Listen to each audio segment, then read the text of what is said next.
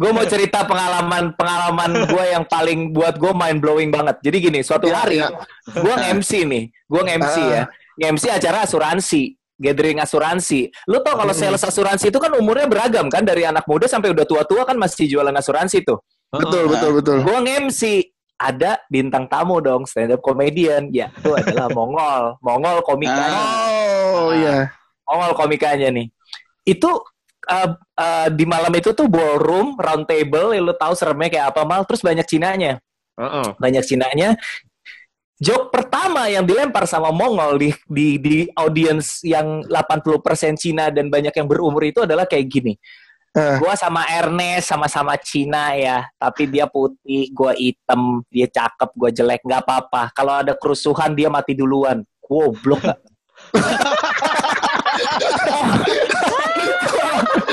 itu, itu kan korban-korban kerusuhan juga yang ada di situ.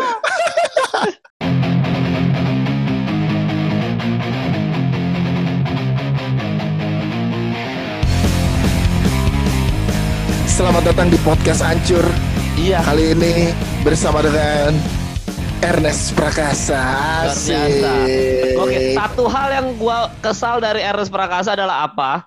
Gua Apa? mulai bikin film duluan, ya kan? Gue mulai bikin film duluan. Ernest tuh selalu waktu itu belajar. Gue salut sama Kemal Palevi, bla bla segala macam. Tapi anjing abis itu gue gak box office. Ernest yang box office. Emang Ernest ya. Emang hoki hoki Cinanya tuh luar biasa Ernest. Ganti ras lu, ganti ras. Atau enggak nyari bini Cina kayaknya Ernest gue. Nyari bini Ya, Cina. bini gua kan casting ngamal. Justru lu cari bininya yang Sunda kayaknya. betul, betul. Gile.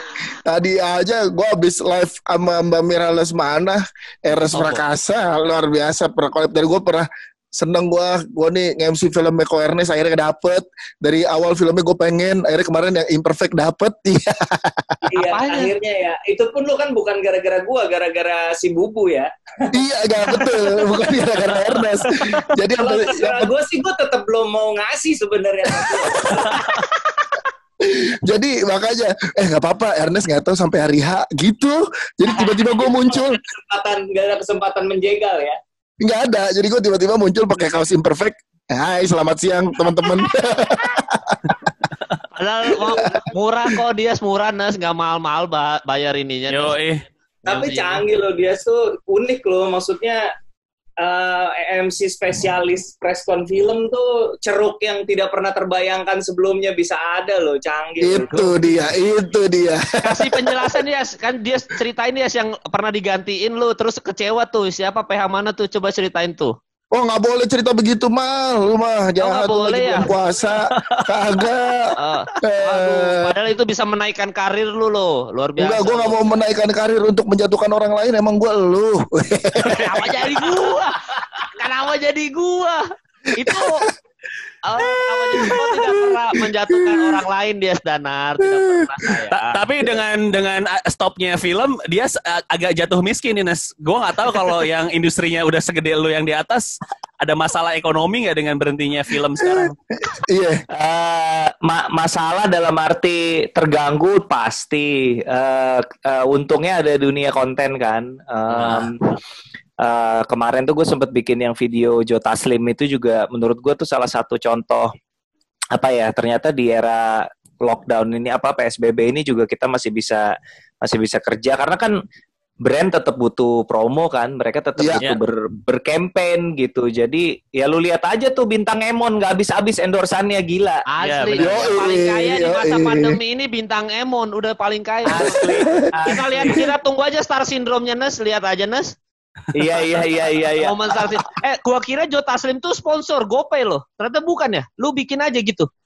kagak itu eh, projectnya GoPay gue di Proyeknya Gope. konsepnya dari mereka jadi GoPay yang punya ide konsepnya terus ngobrol sama gua terus bikin urutannya gitu Joe Taslim dulu yang rilis terus CEO-nya yang reply habis itu gua rilis behind the scene proses Ah. pembuatan video yang pertama itu Gitu. pun behind, behind the scene behind the scene yang scripted gitu Anjing itu lucu Iya banget. iya iya. iya. Yang Ari terakhir hilang. iya Ari terakhir hilang bangsa dia juga ya orang Iya. diusir kan dia yang ngomong Iya, Bang. action ya anjing juga Iya. anjing itu Lucu dong makanya filmnya box office terus. Kalau tak kayak mal maka tak sayang tidak. Gak apa-apa. Gara-gara film Tak Kenal Kata Sayang Fajar Bustami bisa ngedirect Dilan, Dias Danang. Widih. tapi eh tapi banyak orang nggak tahu loh Kemal itu walaupun karir sutradaranya eh, singkat Begini, begini. tapi Heeh. bukan tapi tapi dia menorehkan dia menorehkan sejarah loh Adalah pertama kali ada film ada komedi konsultan itu film Tak Kemal Maka Tak Sayang Yo, gokil, gokil. eh, Abis itu jadi pekerjaan terus-terusan tuh bener. Sejak itu Kemal membukakan ruang buat eh, apa eh, lahan mata pencarian buat komik-komik gitu. Betul. Jadi pahala lo tetap Tapi- ngalir mal. Emang yang Tapi- ngebuka tuh nggak harus laku sebenarnya. Hmm, Dan pah- yang dapat pahala bukan Kemal juga itu idenya idenya Fajar Bustomi juga gitu bukan idenya Kemal. Iya. Iya. Karena Fajar tidak percaya kalau saya bisa lucu. Iya. Iya Dia betul. bilang, Kemal, Jovi, kayaknya butuh komedi consultant. Kalian jangan merasa terlalu lucu, kurang ajar juga. Akhirnya makanya Ajis dua ibu, Ajis dua ibu itu. Aduh. Sekarang Iya, dia- iya. Pantesan lucu ya. Pantes lucu itu mal. Gue kira yang lu doang, yang youtuber. Iya. Iya, Tapi iya, abis iya. gara-gara main film Tak Kemal, abis itu Laudia Cynthia Bella insaf kan, nyadar kesalahannya dia berhijab. Tapi main film tapi kan Kalau film Black Warriors kan lu biasanya emang tiap Desember, nggak terganggu dong di masa-masa sekarang. Paling apa developnya yang terganggu atau apanya aja? Iya, eh, se- sekarang kan kita belum tahu. Kayak misalnya gua nih, gua harusnya kalau Desember itu kan syuting kan harusnya paling lambat banget kan September. Iya. Eh kita kan nggak tahu kondisi gimana gitu September. Memang di atas kertas sih banyak yang prediksi harusnya udah bisa syuting di bulan segitu. Mm, mm, Cuman mm, kan mm, gue belum tahu sih. Maksudnya sekarang masih wait and see karena kan eh, kalaupun bioskop misalnya buka orang udah orang gue yakin orang nggak langsung balik ke bioskop Nah, karena dua Ya. alasan yang pertama ada pasti masih ada keraguan dan ketakutan lah gitu Eh, Hmm. anak-anak remaja pasti dilarang sama orang tuanya jangan-jangan ke tempat-tempat kayak gitu dulu nanti aja Mm-mm. biar lebih aman Mm-mm. itu yang pertama dari segi kekhawatiran yang kedua dari segi penghasilan lah orang selama ini resesi orang nggak dapat Ya. duit bioskop kan bukan pengeluaran primer sekunder itu kan Iya iya iya. iya. tersier Tersier. jadi iya orang nggak inilah nggak belum tentu jadi prioritas. Jadinya ya we'll see lah gimana gitu. Gue juga belum gue sih nggak rilis film tahun ini juga masih santai sih. Nggak Maksudnya apa-apa. nggak nggak ngoyo. Daripada gue rilis kondisinya nggak ideal kan capek-capek bikin kan sayang juga kan. Iya benar Iya. benar benar benar benar. Nggak harus Gitu, keluar Mal. dan, dan Ernest sudah produser Dias. Ernest mah itu kagak kagak Nah, Kagak, produser produser di tengah tahun, sutradara di akhir tahun. Gue Nah, udah pernah bilang di preskon. apal dia apal dia anjir. tapi bisa kali itu saya Ini lo lagi menjilat ya, Yas? menjilat untuk masuk Star Vision ya setelah lo uh, monopoli Falcon ya sebagai MC ya. Ini lagi Ah, udah udah di Star Vision bahkan gue udah main Mariposa gue. Oh iya benar. Eh, Diajak Fajar. Diajak Iya. Fajar. Enggak, tapi gue sekarang giliran gue yang harus menjilat Ernest agar dapat satu penyutradaraan lagi di Star Vision. apa Karena apa hubungannya sama gua bisa Nes, bisa lah kali kan R Enggak dapat. jiwa, jiwa jiwa lu itu di depan layar mal menurut gua mal bukan di balik Betul. layar Oh, Mal. menurut gua Betul. menurut gua ya menurut gua Mal coba lo lihat ke atas mal, lo lihat ke atas mal. Oh siap, Kenapa? lihat ke atas. Ada karirnya Ernest. Eh, Iya, emang bener. Bener, emang Bangke, bener. bangke. Bener. Coba Ernest lihat ke bawah, Nes, lihat ke bawah. ada apa tuh Karir Panji Pragiwaksono. Karena sama bikin film box office-an Ernest juga sama. di film, di film, di film. Di Aduh. film, untuk di film. Di film. Nes, tapi kan ki- kita ini kan komika Nes. Gua, lo, Iya. Patra, sekecuali Dias kan. Dias kan MC lucu aja gitu. iya. Kalau lu Nes melihat komika di masa WFA ini ada yang bersinar banget, lucu banget, dan kita merasa bahwa kita tidak bisa menggapai hal itu kayak misalkan si bintang Emon, Iya. hal yang kita nggak bisa Iya. lakuin gitu kan. Lu iri Iya. atau lu rasanya gimana Nes? ya kan iri kesel sih. Agak iya lu emang dengkian orangnya mal Enggak, cuma gua. Jadi ada cerita lucu, bukan cuma gua. Jadi Iya. David, jadi kan waktu itu gua ada komen apa bikin posan eh, bikin konten horor sama Ra- Ramet Ababil sama Randika Jamil. Terus David Iya. ngomong kayak gini, "Mal gua banyak cerita horor juga tuh." Terus gue bilang, "Ayo Fit, kita collab cerita horor." Terus ada yang komen gini, nggak usah collab sama David. David nggak apa lebih lucu bintang Emon daripada David. David kecil langsung, cuy, langsung dibalas sama dia. Oh ini lu bercanda apa serius nih? Gitu. Jadi menurut gua bukan cuma gua aja yang dengki, Nes. Kalau ada yang lebih lucu, Nes. Semua komika dengki. Nggak, dengki itu dengki itu manusiawi, dengki itu manusiawi. Cuman eh, ya apa namanya nggak semuanya bisa kayak dia. Maksudnya gayanya kayak misalnya si Ardit gitu nggak usah jauh-jauh lah yang di manajemen gua aja lah. Si Ardit juga nyoba kan karena dia deket kan sama bintang.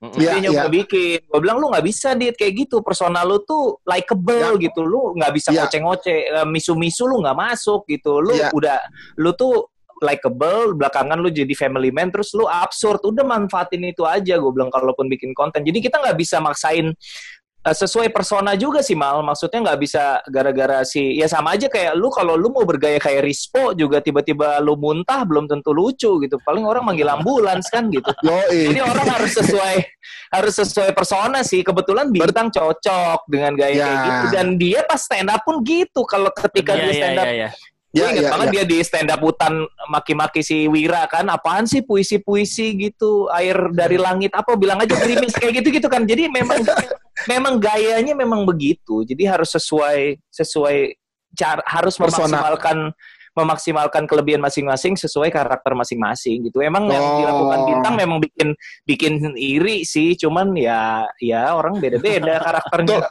da, lagi kondisi sekarang kontennya bintang lah yang cocok dan laku sama brand apa segala macam yang pas gitu ya Eko ya. Kalau lagi Iya. konten lu pas mal kayak lagi konten nih misalkan lagi Ah. konten lagi film laku laku laku terus ada lu yang gak laku. Nah, itu pas. Dia lagi. Lu nyelain Kemal mulu ya. Tanpa ada Kemal, itu Iya. cikal bakal Gundala superhero pertama tuh Kemal, inget. Oi. Jagoan instan. Jagoan instan. Anjing, Ingat. ya. Dan gue udah bilang nggak apa-apa tuh nggak bisa lu yang instan harusnya tuh namanya jagoan proses gitu orang harus tahu proses. ger. nggak bisa tiba-tiba nggak bisa Nggak tapi bisa. Jagoan proses. Gak bisa gua, gak bisa. Gue bingung sih maksudnya kan waktu itu gue pernah nonton apa vi- video lu sama Panji ngomongin gimana Panji aja nanya ke lu kan gimana sih caranya bikin film box office terus lu jelasin tentang apa? Oh ngambil karya yang IP. sudah jadi IP, IP. IP. Ya. Tahu tuh IP. Jadi IP itu sampai sekarang bentuknya tuh apa aja sih Nes selain buku Nes?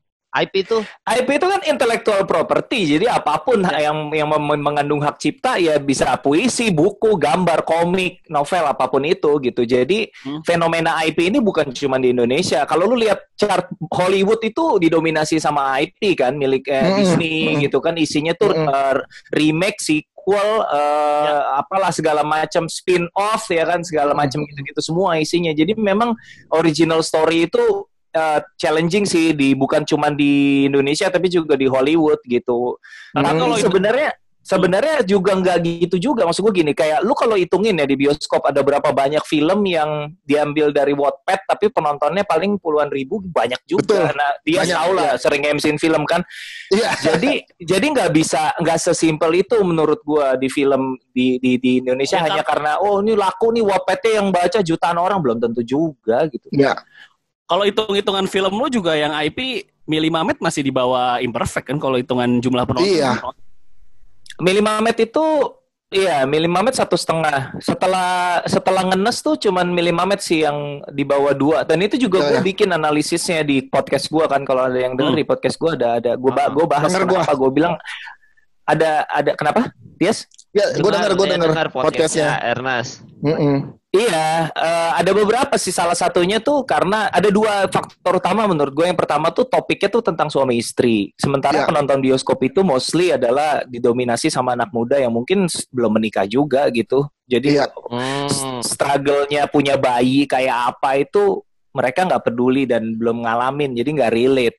Sementara begonya nih, sementara orang yang lagi ngalamin itu, yang lagi relate-relate-nya kagak bisa ke bioskop terus. Iya. Lagi urusin anak. Urusin anak kan ya. kan dongo ya. Ini, adalah- lu ada, ini analisa ini keluar setelah filmnya muncul berarti Setelah dong, kepikiran setelah. Oh, emang gak kepikiran pas lagi bikin ya Uh, sebenarnya Pak Parwes dari awal udah ada concern ini bahwa ini cerita Oh. ini cerita dari segi umur agak istilah dia agak berjarak gitu. Cuman kan gue dapet materi dari ADC kan udah di sini, mah gue nggak mungkin balikin Mili Iya. Mamet jadi ABG lagi gitu. Jadi mau nggak mau gue terusin di situ gitu. Nah yang kedua dari segi judul sih, di Indonesia ini selain Dilan hampir nggak ada film yang eh, ya Dilan IP besar ya, Emily juga IP besar sih, tapi jarang banget film yang berdasarkan pada judul dan berhasil secara box office itu jarang banget. Hmm. Jarang banget. Orang tuh kalau dapat judul menurut gue judul yang baik itu harus sedikit banyak memberikan eh, janji tentang ini film akan memberikan lo apa sih? Memberikan lo rasa takut, memberikan lo ketawa, Hmm. memberikan lo eh, cute-cute atau apa gitu. Nah, kalau lo kasih nama Oh. lo kasih nama kita ter apa ya terlena sama karena di lingkungan kita siapa sih yang nggak tahu Mili siapa sih yang nggak tahu Iya. Mamet ya Iya, iya di iya. circle kita kalau lo ke Iya. seluruh Indonesia kan orang orang Mili Mamet rilis banyak yang itu eh iya film yang baru ya Memet Memet itu ya gitu boro-boro Ah, oh. Gitu Iya jadi iya iya. buat iya. kita it's a good idea untuk pakai judul Mili Mamet obviously lah Mili Mamet tapi setelah lihat iya, kayak gini oh mungkin harusnya judulnya tuh sesuatu dulu judul misalnya terus di bawah baru Mili dan Mamet misalnya gitu Oh, ada Sih, harus ada nah. ada harus ada judul kayak imperfect atau ngenes misalnya gitu ya. mungkin loh ya mungkin nggak Ya. tahu juga bisa jadi emang Tapi filmnya itu- memang batasnya segitu gitu Ya tapi Yes, Nes, yes, yes, yes. eh, lu menggali premis lu selama film ini kan lu udah dari yang susah apa ngenes susah sinyal. Kalau ngenes kan lu masih gampang karena itu kan lu nulis nulis bukunya dan itu cerita hidup lu kan. Abis itu kan lu bikin Iya. film lagi imperfect susah sinyal. Se, apalagi sih ya itu kan Cek susah toko sebelah. Toko sebelah. Toko sebelah. toko sebelah. Itu tuh lu gali premisnya main mapping juga kayak nulis materi stand up atau kepikirannya gimana untuk premis? beda beda beda, beda proses sih kalau kalau film itu eh, kalau film berangkatnya kalau gue biasanya dari message dulu sih mal. Message. Kecuali Mili Mamet ya. Mili Mamet kan berangkat dari IP gue diserahin IP terus gue cari. Iya. Heeh. yang lain berangkatnya dari message. Ini mau ngomongin apa sih sebenarnya? Tema besarnya mau ngomongin apa gitu. Mau ngomongin Nah. soal Oh. mau ngomongin soal nggak nggak bisa ngomongin keluarga. Itu terlalu luas ya. Maksudnya susah sinyal ngomongin apa sih oh ngomongin kalau eh, orang tua tuh nggak cukup hanya ngasih fasilitas buat anak mereka juga harus ngasih waktu gitu misalnya gitu oh iya message-nya itu Ya, Kayak ya. gitu. jadi cari message berangkatnya dari message gitu kalau kalau gue Gitu, sih Mal. selama ini gitu Lu Oke, jadi oke, kapan oke. mal mau comeback? Mau comeback mal comeback. Iya nanti kalau masalah comeback mah belum tahu ya kemarin tuh harusnya udah mau mau comeback tapi ada corona. Jadi emang oh gitu kayaknya nggak rezeki terus gitu loh. Enggak cuma Oh, tadinya iya, udah iya. mau udah mau comeback mal tadinya mal iya ada tapi gua nggak main Nes, gue cuma nulis sama ngedirect aja Nes. oh ya PH-nya Iya. siapa belum boleh disebut ya. Belum Udah apanya? boleh belum disebut PH-nya? PH-nya PH-nya rahasia dulu dah. Ya. Rahasia dulu. PH-nya, PH-nya. Intinya PH-nya ini ingin memperbaiki eh, citranya dia. Terus gua kayak eh, gua kayak ya udah mumpung lagi nggak ada kerjaan juga perfilman ya udahlah. Kar- karena selama ini gua syuting terus Nes. Gue tuh syuting terus, tapi gua ngerasa capek tau gak lu? Kayak eh, eh, nunggu callingan apa harus standby di lokasi jam berapa nanti pulangnya jam berapa. Gue kayaknya tuh udah gue IKJ nih sekolahnya sama kayak Ajis penyutradaraan juga. Jadi kayak ah gue kayaknya jadi sutradara aja dah gitu. Maksud gue gitu. Itu- gua PH PH pengen memperbaiki citra kenapa ngerah nge-hire-nya lu ya Bi? Nah, itu dia. tidak bisa percaya lo Panji Dika nggak bisa Mau memperbaiki Antara- citra tapi betul What sama how-nya tuh kayak beda Nggak nyambung. jalan gitu. Enggak, enggak. Maksudnya, mak- maksudnya gini, Nes. Maksudnya mungkin si PH itu mau memperbaiki citra, sedang mencari sutradara yang mau memperbaiki citranya juga. Gitu. oh, jadi matching. saling saling saling. Iya, kadang-kadang iya. nggak tahu rezeki itu datangnya di mana. Kalau gua kalau nonton net di Netflix nonton Last Dance itu dokumenterinya Michael Jordan. Michael Jordan Mhm. waktu di hire sama Nike, cuy. Itu Nike itu bukan apa-apa, cuy. Perusahaan kecil, miskin dibanding Iya, Adidas sama iya. Converse. Iya. Tapi itu Jordan. Iya. Ya, bisa saja, Pak. Kita berpositif thinking saja. Iya, iya, iya. Saya mau Iya. positif mal. Bisa, bisa, bisa mal. Yuk, bisa, bisa. Ya, lo kan Bisa, yuk. produksi sepatu lo habis-habis mulu tuh. Lo produksi sepatu aja udah. Iya, gua itu Tapi lu kenapa sih mal gigi? Maksudnya gigi mau ngedirect masa gara-gara gara-gara bosan jadi pemain Gara-gara harus dong. nurut callingan? Gara-gara gara-gara Dengki. dengki aja dia. kagak ada dengki-dengki juga dia eh kenapa jadi kagak emang gue masih gregetan aja Nes maksud gue bikin film Ah. yang kan gue udah belajar dari bikin film kemarin-kemarin gitu loh gue tuh uh, Ah. nonton Panji nonton film Radit nonton film lo terus gue kayak Ah. gue punya gaya sendiri juga yang kayaknya belum gue salurkan sampai sekarang nih gue cuma gregetan Apa? itu doang sih Oh, apa film terakhir lo mal? Abdullah Takabur ya? Apa? Ah, Aduh. Abdullah tak Kemal maka tak sayang. Iya, film Jadi- coba L- Mal, lu lihat di atas dulu dong, coba ke atas lihat-lihat. Aduh, apalagi lihat ke atas. Ada apa? Ada karir sutradaranya Bene. Iya, iya. Bahkan Bene tapi bahkan Patra bahkan. Bene mau jadi bahkan Bene mau jadi produser Bene Patra- mau jadi Iya, produser Patra Gumala, saya garis bawahi. Ya, itu ya, ketolong ya. karena ada nama Ernest juga di situ. ada Ernest lagi itu di situ. Coba kalau kagak ada Ernest kagak Oke, bisa Beni. nah oke, itu argumen-argumen itu gue terima. Ntar lihat filmnya Ari ya, filmnya Ari di MD Iya, iya, sempat iya. kejeda sama COVID. Itu filmnya bagus banget eh, skripnya. Gue nggak gue nggak ngikutin proses syuting sepanjang Iya, syuting, iya. jadi gue nggak nongkrongin. itu tapi Bene jadi produser kan enggak, itu Oh, Ari ya? on his own. Ari karena di MD oke kan. Kita kan Oh, harus- iya, iya, iya. Har- harusnya rilis kapan sih tuh filmnya Ari? Filmnya Ari harusnya sekitar Juli gitu kalau nggak salah Juni apa Oh, Juli. mundur gitu. berarti. Ya, tapi harus mundur ya Enggak, mundur. oke. Ah. ah, Ernest tidak ada di dalam situ dia Patra. Tidak ada. Tidak, Tidak ada. ada. Kan belum Tapi- keluar angkanya. Tapi Iya. Ari ngupload foto sama kru ada Ernest di situ. Sama aja, ada Ernest. Agak Ada lanjut. Ernest. Ya enggak lah, ya enggak lah mal. Masa gara-gara gitu doang. Eh, Iya kan, orang woi, lu, aja. lu, eh, Oh, woi, iya. Mal, lu Eh. kira Ernest patung kucing yang manggil-manggil hoki? Nggak gitu Tahu. juga. Enggak, Eh, Pak Manut minta Ernest harus ada Ernest ya kan? Pak Manut harus minta kan? Lu kok suzon Lu sih kalau- mal Kalau teori lu kayak gitu, gue buktiin. Gue main di film lu, tetap nggak bakal laku mal. Iya, iya, Terbukti benar, di filmnya benar. Bang Ading. Terbukti di filmnya Bang Ading kan? Yang Iya, iya, iya. ojek ojek itu kan? Steve Sesuai aplikasi. Iya, Sesuai iya, aplikasi. Ya nggak apa-apa Bang Ading semangat terus. Bang Ading masih ngajak saya project semangat. Nes, tapi lucu-lucu. semangat terus Bang Ading. Tapi Nes, jadi aduh kan kemarin, Kemal Kemal kemarin kan kita ada ngundang Rigen, terus Rigen itu sempat reply eh, apa yang masalah MLI gitu loh, Rigen. Rigen kan Iya. nge-reply lu terus masalah MRI generalisir apa segala macam. Jadi kan gini, ini kan maksudnya mumpung ada lu nih, kita interview di sini kita kita kuak semuanya. Jadi kan Iya, banyak iya, iya. komika di luar sana yang selalu bahas meremelek manajemen misalkan. Oh, meremelek manajemen nih. dulu namanya meremelek dulu awal-awal. Ya juga awal-awal sekarang Oh hahakop sekarang nggak. Terus hahakop nih apa segala macam. Terus kayak banyak dulu dulu juga komika yang di MLI juga yang maksudnya nyerang-nyerang lo begitu mereka bikin video stand up. Nah, lu tuh lu kalau kayak gitu-gitu baper atau lu diamin aja sinus yang kayak gitu-gitu ah biarin aja lah anak-anak mah. Pertama-tama kalau soal MLI, gue nggak ada personal attack, gue per perkomikannya gue gue nggak nggak ada kebencian, nggak ada. Kalaupun gue kritisi, gue kritisi apa yang dilakukan. Tapi mereka harus sadar kalau lu jadi bagian dari sesuatu, lu nggak bisa. Ya itu kan mereka jangan digeneralisir, nggak bisa. Mindsetnya harus dibenerin menurut gue. Hmm, Lu lu Dias nih Gen FM gitu. hmm, Kalau dia hmm. kalau dia misalnya bikin video cabul, pasti Gen FM kena juga gitu.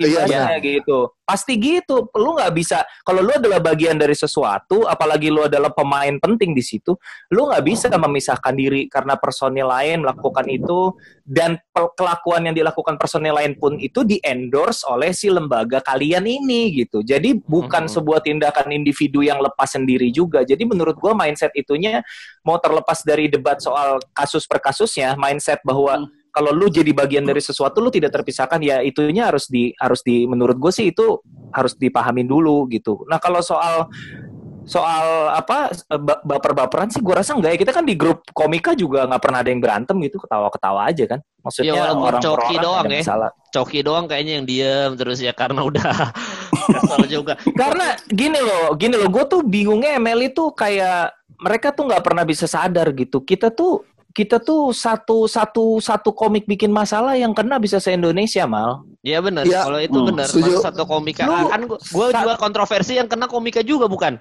Iya makanya kemarin. maksud gua Iya. maksud gua ML ini mau bergaya-gaya kontroversial kalau misalnya lu bisa mempertanggungjawabkan eh, kelakuan lu sendiri nggak masalah masalahnya lu yang aneh-aneh komika di luar pulau yang disamperin ormas gitu. Apa lu nggak kasihan gitu? Maksud gua gitu. Posisi Iya. kita nih Iya, masih, iya, masih iya. rentan banget gitu, gitu sih. Kayak gitu. Seprofesi semuanya jadi berefek ya seprofesi ya. Itu komika nih kan Hmm. image-nya kan troublemaker gitu. Jangan dipertebal Iya, lagi gitu. Kayak Omega tuh troublemaker semuanya ya. Enggak, tapi lo pernah ada obrolan-obrolan ketemuan gitu kayak Pernah, pernah. Oh, pernah. Emang. Pernah dong, pernah dong, pernah dong. Duduk bareng pernah, jelas pernah. Hmm. Eh, Sama Patricknya. Enggak, Patrick sih enggak. Patrick sih enggak. Gua gua gua sejak kasus pendaftaran roasting itu gua sama Patrick sama Adri sih gua rasa gua udah nggak perlu ngobrol lagi lah emang beda visi aja gitu. Jadi mau Oke. mau, mau ngobrol pun nggak akan ketemu gitu. Gua anggap ya udah we Hmm. agree to disagree aja gitu. Karena menurut gua apa yang Ya, mereka lakukan tuh udah udah jauh kelewatan dari batas, udah nggak bisa didamaikan lagi perspektifnya. Tapi Ah, gue oke. pernah duduk bareng sama anak-anak Emily, Hakort dan Emily duduk. Maksudnya kita intinya eh, Awe sebagai penengah waktu itu. Hmm. Awe sebagai penengah, Awe juga nasehatin gua, dia bilang, "Ya lu jangan gitu kok walaupun lu nggak suka tapi cara ngomong lu karena lu dilihat sama banyak teman-teman ya itu gue terima gitu. Gue gue juga minta Hmm, maaf di hmm. situ. Jadi sebenarnya secara nggak ada baper-baperan atau nggak ada konflik, nggak ada berantem sih. Cuman ya kita saling mengkritik aja biasa sih. Menurut gue masih sehat sih. Dan lu Iya, paling iya, seneng iya, iya, begitu bintang Emon viral lu seneng banget karena lu bilang apa antitesisnya MLI apa? Eh, yang bintang Apa, Emon, bintang Emon Gua kan bilang apa sih? ngomong, ngomong sendiri di ke- depan kamera sama kayak Coki sama Muslim gitu. Terus dia bilang wah ini nih kan eh, dark jokes tentang dark jokes kan ngomongin Coki sebenarnya. Terus habis itu keluarlah bintang Emon. Gue lupa sih di grup lu ngomong wah ini gue seneng nih an- antitesisnya MLI atau apa gitu intinya yang Apa ya? Lupa gua. Lupa. MLI. Jadi lu Lupa termasuk seneng bintang Emon viral juga makanya lu jadiin konten di Instagram kan? Iya, karena menurut gua, menurut gua eh eh, yang dilakukan bintang Emon itu menarik gitu, menarik karena orang awam ngelihatnya, ih anjir ngomel-ngomel aja lucu, enggak itu Iya, ada iya, iya, iya. tekniknya gitu, itu ada Oh. tekniknya, itu Iya, ada iya, tekniknya. iya. Gue nyadar kan Orang- Coki diserang gara-gara ngomongin corona, ampau corona, apa segala macam Ah, ya. Ah, malam Ah. tahun baru yang kalau menurut Iya. Patra sebenarnya Patra nggak apa-apa ya kan Pat? Lu Pat, ayo Pat. Gue sih nggak, gue sih nggak tersinggung. kan Coba ngomong, ngomong. Apaan? Yang itu katanya lu Yang tersinggung mana? karena ya menurut gue apa tuh? Coba. Kalau yang, Yang angpau itu, kalau yang banjir itu kan yang parah kan yang banjir kan. Seingat Iya, gua kalau banjir. yang kalau yang angpau nggak nggak terlalu nggak terlalu ini sih, nggak terlalu. Kalau yang angpau tuh cuman karena dari banjir belum pada selesai Iya, keselnya ada lagi iya, gitu iya, iya, iya, iya, iya, iya, iya. Oh, kayaknya bintang Emon tuh adalah orang yang eh, komika yang nulis materi tentang COVID tapi yang paling benernya gitu. Maksudnya dark jokes-nya tuh ya, ya gitulah pokoknya lah bintang Emon kan ngomongin COVID tapi caranya yang bener Berarti- begitu ngomonginnya gitu loh. Abis ini inget bintang emang. Emon. Iya, gue nggak inget menghubungkan antara bintang Emon ada, sama ada, lupa. Lu Iya, nyari iya. nyari lu. Doang kali lu. Di kepala lu kali lu, lu udah ngetik gitu tapi lu nggak kirim kali mal. Tahu lu mah. Gua, gua lupa ada kok. Nanti deh, nanti aja deh. Eh, takut Nggak, dia. tapi lu, lu lu lumayan paling open ya, Nes, untuk yang paling sering kritik di antara eh, apa senior senior lah. Maksudnya kalau di antara yang paling senior, lu lumayan yang paling open untuk kritik sebenarnya. Iya, ya gimana ya? Emang gua ya gua nggak ya gue berusaha untuk ngomong aja sih maksudnya ketika orang mengkritik gue juga kan Mm. gue open gitu jadi kalau ketika gue ada Mm. kritik juga gue open walaupun semakin ke sini memang semakin menam- bertambah usia ya semakin Ya. belajar bahwa ya itu di sosial media itu terutama di sosial media ya itu Ya. memang cara lu ngomong sama apa yang pengen lu sampein tuh sama pentingnya sih gitu Ya. kayak capek gitu kayak lu pengen ngomong sesuatu yang menurut lu bener tapi orang nggak mau denger karena cara ngomongnya nggak enak tuh jadi mubazir banget poinnya gitu jadi Jadi berapa kali udah- sekarang lu kalau nge-tweet lu hapus, nge-tweet lu hapus, berarti lu sering banget. Belum sempat lu set. ya. Kayaknya enggak deh gua hapus lagi deh gitu. ya karena karena memang kalau emang kalau kalau lagi kalau lagi lu lagi kesel tuh ter tertrigger gitu trigger tuh emang ada kalau lagi trigger tuh udah dua hal yang harus lo jauhin Twitter sama WhatsApp grup itu kelar bener. sih lu Bener. lu kelar sih ada Bahkan- salah satu Baru Salah aja satu- saya, baru aja saya yang kena gitu, baru pas bulan puasa ini, gara-gara kesel, maka saya pegang handphone, pegang Twitter, eh ke tweet. yang lu mah apaan kok gue nggak tahu apaan Enggak, Beberapa gua minggu, beberapa hari lalu ya. berapa hari yang lalu, Oh. enggak, gue cuma, ke- kan gue tuh bilang untuk sesama umat muslim nih, gue kesel kalau sesama umat muslim tuh ada nge-tweet lagi makan siang-siang. sama masih minum alkohol gue kesel karena ka- kayak nggak ada toleransinya antar muslimnya gitu loh padahal kan lu tahu dosanya sama-sama tahu gitu. Kalau yang agama lain mah terserah lah. Maksudnya kan kita sama-sama tahu oh dia non non muslim gitu. Nah gue ngomongin yang sesama muslim. Wah itu rame. Diserang. oh diserang Di- gua diserangnya dibilangnya apa? karena dia dikira orang itu sebenarnya gua gua cuma tulis itu gua kesel kalau yang upload makan siang-siang. Dikira tuh foto makanannya. Jadi banyak yang nyerang gua tuh ngasih foto burger ngasih foto sirup marjan apa Disangka orang Minta- mau jualan. di- iya kok orang jualan gimana toler minta toleransi mulu udah mayoritas minta toleransi dibilang wah habis gua udah habis Berapa sih gua? karena gua kesel pegang tweet eh jadilah begitu karena gua kesel Iya.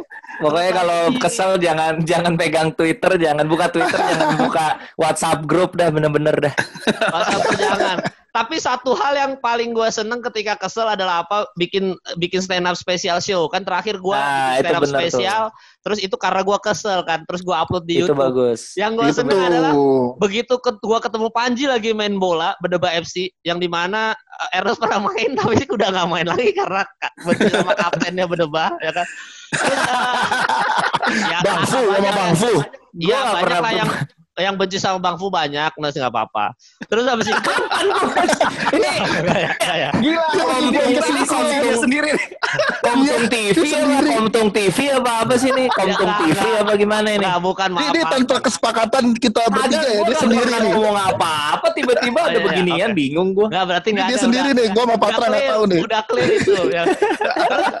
gue yang gue seneng adalah udah lama gue nggak stand up, vakum diomongin anak-anak kan. Terus begitu gue stand up, tiga tahun stand up, jadi storytelling, langsung ditonton sama grupnya pendiri stand up Indo. Wis bangga gue.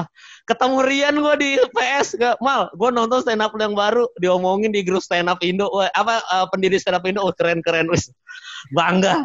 Padahal selama ini gue Nggak, soalnya Patra Dias gak tahu. Patra Dias gak tahu. Ada cerita. Tahu, lu udah pernah dua. cerita. Yang Suci dua belum. Belum cerita gua. Suci dua kenapa? Jadi waktu Suci dua, Ernest itu kebetulan mentor gua one on one. Ernest tahu nih ceritanya. Waktu Eh. hari pertama, masih inget ya. ya waktu hari pertama gua lagi stand up ya, orang paling berjasa itu adalah Ernest dan Adriano Colby. Kenapa? Karena Ernest mentor gua bener, eh, Adriano Colby kombut gua. Hmm. Materi gua Mm-mm. kasih pertama, Ernest pertama kali ngomong sama gua gini, Mal lu nggak mungkin ngalahin anak-anak Bandung dengan materi kayak gini, Mal. Lu tuh harus observasi, lu harus nulis materi struktur yang bener. Ini absurd banget, Mal. Kata Ernest gitu. Dari situ gua ketemu Adri, kelasnya Adri, gue bilang kata Ernest, ini materi absurd banget, Dri. Gimana caranya bikin materi yang bener? Gue bikin materi yang bener dengan saran Ernest Prakasa masuk zona eliminasi, cuy. Wah, Ernest ingat. Lu- yang nyaranin gue itu, Nes, waktu Suci 2, Yeah. karena mentor gue. Terus Iya, habis iya, itu iya. nextnya minggu depannya gue ah fuck it lah gue gak dengerin kata Ernest tuh untuk menulis materi yang bener. Gue be yourself aja jadi diri sendiri. Jadi absurd gue Ernest pasti nggak suka karena Ernest nulis materi rapi. Gue kagak. Ah, tiga besar Iya. gue habis itu. Dan mau percaya tidak percaya dia dan Patra gue adalah komika yang akhirnya Ernest membuat Ernest meng-hire Ardit Erwanda karena ganteng persona kan Nggak ya iya? nggak ya, ya Nggak ya? Ini suka bikin hipotesis sendiri ya. ya, ya, Emang, mohon maaf emang. mohon maaf Pak. emang Analisa sendiri. Enggak ya, analisa kalau- sendiri, simpulin komika sendiri deh. Iya ya. Itu jatuhnya fitnah gak sih? Jatuhnya fitnah gak sih kalau kayak gitu? Gibah, Ya, gibah, gibah. gibah. Oh, Astagfirullahaladzim. Oh, tapi Iya. keren Nes ya. Ah, orangnya ada. Orangnya Iya. ada. Orangnya Iya, ada. Tapi kalau suci dua gue zona eliminasi bener tuh Nes. Gue akhirnya wah gue nggak akhirnya di situ gue nggak ngikutin kata-kata lo. Gue jadi diri sendiri. Tunggu, gue konfirmasi dulu. Lu masih Ya. ingat nggak seabsurd apa materinya Kemal? Iya. Iya, gue inget karena kan waktu itu kan eliminasi. Kalau nggak dibantu mungkin lu udah keluar di minggu pertama. Udah keluar siapa tahu. eh, eh.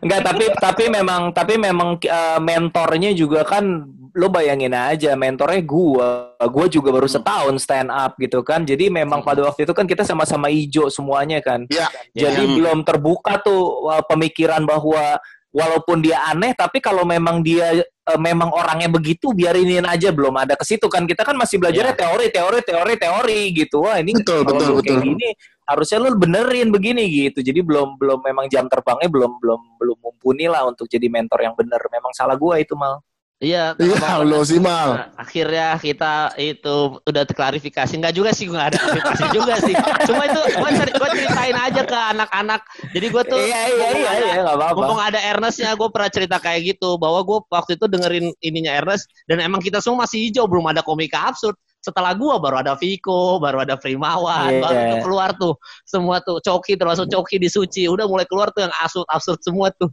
Tapi lu sekarang ngelihat Iya, komika sekarang Nes, kan gue tuh pernah ditanya gini, Ma, uh, saya bosan nih ada ada followers gitu ngomong ke gue waktu gue lagi stand up. Mas Kemal, saya bosan sih sama stand up komedi sekarang nih karena uh, komikanya rata-rata begitu semua modelannya sama.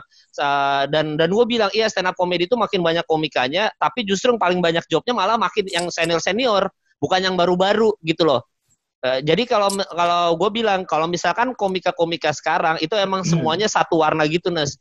Nah menurut lu Nes stand up komedi tuh bakal orang bakal bosan nggak dengan komika yang kayak misalnya kayak udah popon semua kayaknya kayak popon semua kayaknya kayak bintang emon. Nggak ada persona baru-baru lagi gitu loh.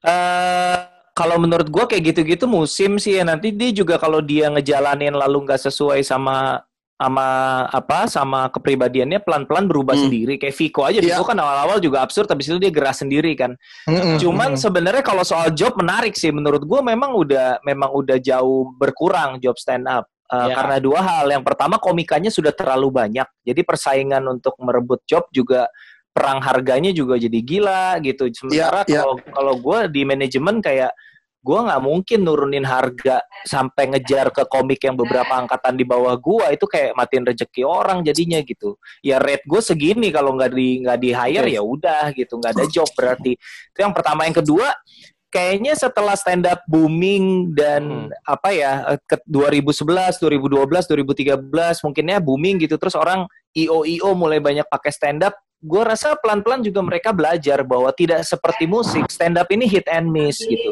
stand up ini hit and miss kalau lu pakai musik Hmm. lu safe zone lu lu aman gitu stand up ini lo bisa bisa ga- walaupun to be fair banyak yang gagalnya bukan salah komiknya seperti yang lo tahu kan mal kita ngejob Hmm. tiba-tiba dikasih outdoor tiba-tiba dikasih orang makan tiba-tiba uh, banyak anak-anak lari-larian macam-macam teknis yang bikin Iya, iya. kacau cuman uh, klien kan nggak tahu orang io juga kan ngelihatnya oh kalau stand up iya nih suka iya kadang-kadang berhasil kadang-kadang enggak jadi menurut gue juga trust terhadap stand up comedy juga nurun gitu jadi memang Iya. makin susah gua kalau dihitung job of air gua mungkin ser- 10% stand up, sembul- 90% itu talk show. Ngomongin Hmm, soal oke. film, Oh. ngomongin soal Ya, industri ya, ya. kreatif, ngomongin soal penulisan, ngomongin Ya, soal ya, macam-macam gitu. Iya iya iya. Jadi- Gue baru dapat job juga tuh yang kemarin tuh yang di Holy Wings saja, Holy Wings Gold Kelapa Gading itu. Gue dapat job stand up Nes. Udah pertama Holy Wings Gold tuh Holy Wings paling besar di Indonesia, ya kan? Se Indonesia dia paling besar. Ah, lokasinya di Kelapa Gading. Berarti kan eh, rata-rata Chinese Chinese semua. Dan Chinese ya yang kaya raya Nes. Jadi lu bayangin sudah stand up di tempat yang paling besar, dinding apa atapnya gede banget kan kita anti tuh ya stand up yang atapnya Tinggi banget. Eh, karena ketawanya nggak ngumpul. Jadi kita, Betul, betul. kita kesel banget udah atapnya tinggi, terus yang nonton orang-orang kaya lagi buka botol. Wah, gue bilang, wah itu susah banget. Udah ngomongin bokep aja tetap nggak lucu. Lu bayangin, udah ngomongin tentang bokep aja nggak ketawa, cuy. Masa anyep. Ketawa. Lu kalau kayak gitu cuman satu yang bisa lo lakukan, Mal. Apa itu? Ngondek. Nggak nih, Itu baru Dengar, gue mau cerita pengalaman pengalaman gue yang paling buat gue mind blowing banget. Jadi gini, suatu Ya, hari ya. gue nge-MC nih, gue nge-MC Ah. ya, nge-MC acara asuransi, gathering asuransi. Lu tau kalau sales asuransi itu kan umurnya beragam kan, dari anak muda sampai udah tua-tua kan masih jualan asuransi tuh. Betul, betul, betul. Gue nge-MC, ada bintang tamu dong, stand up comedian. Ya, itu adalah Mongol, Mongol komikanya. Oh, iya. Mongol komikanya nih. Itu uh, uh, di malam itu tuh ballroom, round table, ya lu tahu seremnya kayak apa mal, terus banyak Cinanya. Banyak Cinanya.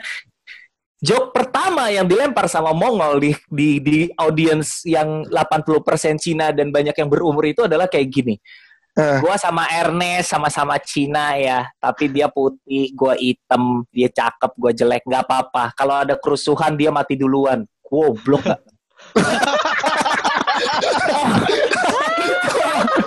itu, itu kan korban-korban kerusuhan juga yang ada di situ.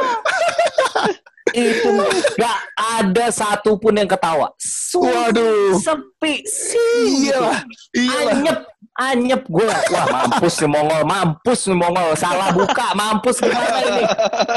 Tapi, tapi, tapi, tapi emang pinter tuh orang. Eh, Dia mulai banting setir cepet-cepet, cepet-cepet gemulai. Dari Eh. mulai yang kalau cowok normal eh, ngelap ngelap jidatnya gimana ngelap jidat gini, Eh, kalau yang maksudnya eh. ngelap jidatnya Iya, iya, gini, iya, iya. gitu kan. Kalau Eh. dipanggil dipanggil cin pasti nengok kayak gitu-gitu. eh, Lama-lama pecah, Bro. Pecah lama-lama. Langsung ya, dibanting setir. Pecah lama-lama dari yang Padahal dari yang udah pengen diserang tuh. gila, gila, gila, gila, gila, gila, gila, gila. Lama-lama pecah juga.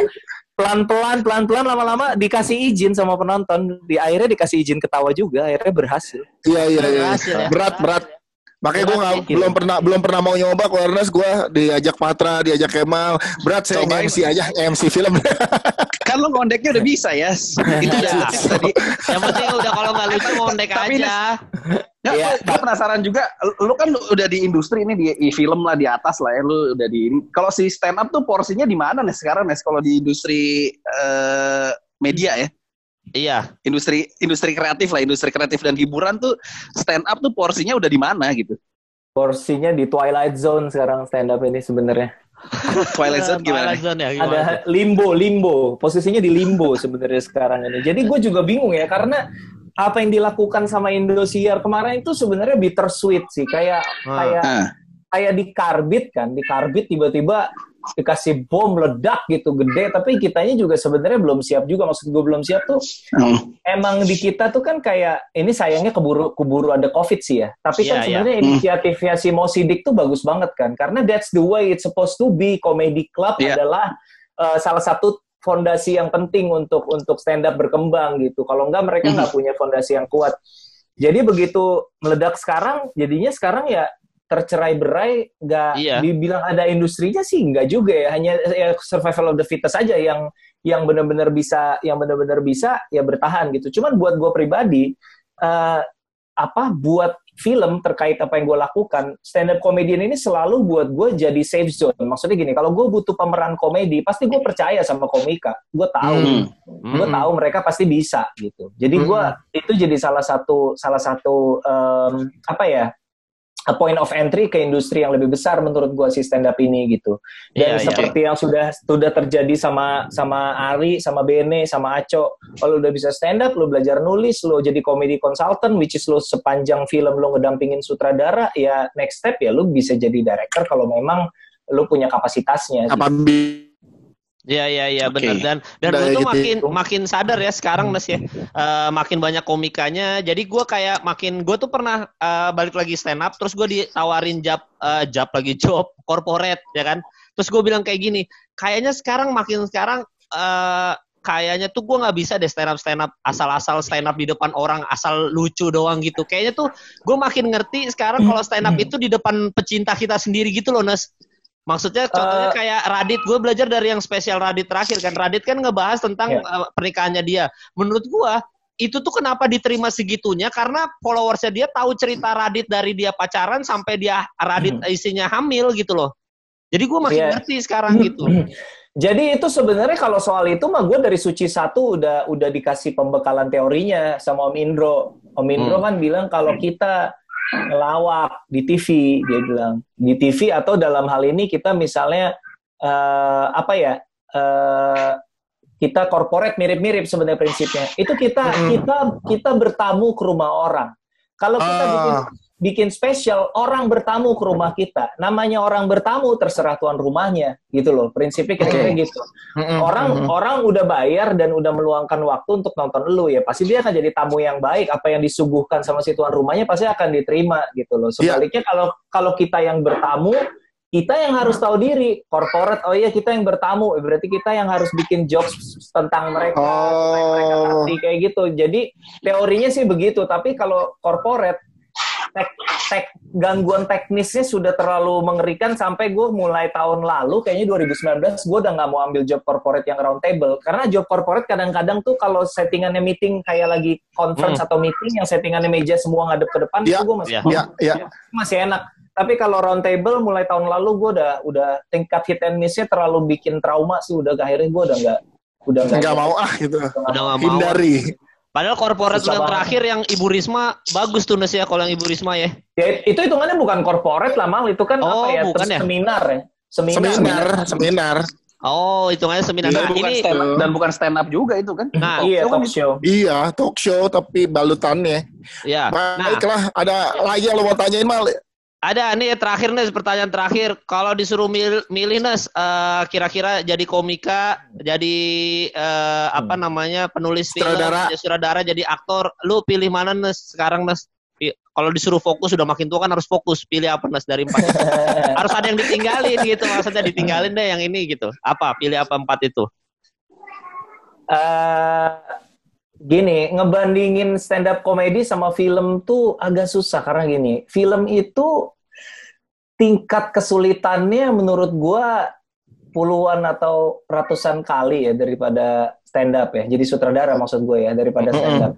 Sehingga ketika lo berhasil, kepuasannya juga setimpal dengan si Beda. kesulitannya itu gitu. Jadi Hmm. ada fulfillment dari bukan bukan hanya honor tapi maksud gue kepuasan ketika karya lo dinikmati banyak orang dan mereka suka itu kan itu ada kepuasannya gitu. Nah itu yang yang Hmm. yang skalanya tuh nggak ada di skalanya stand up. Lu kalau stand up berapa sih?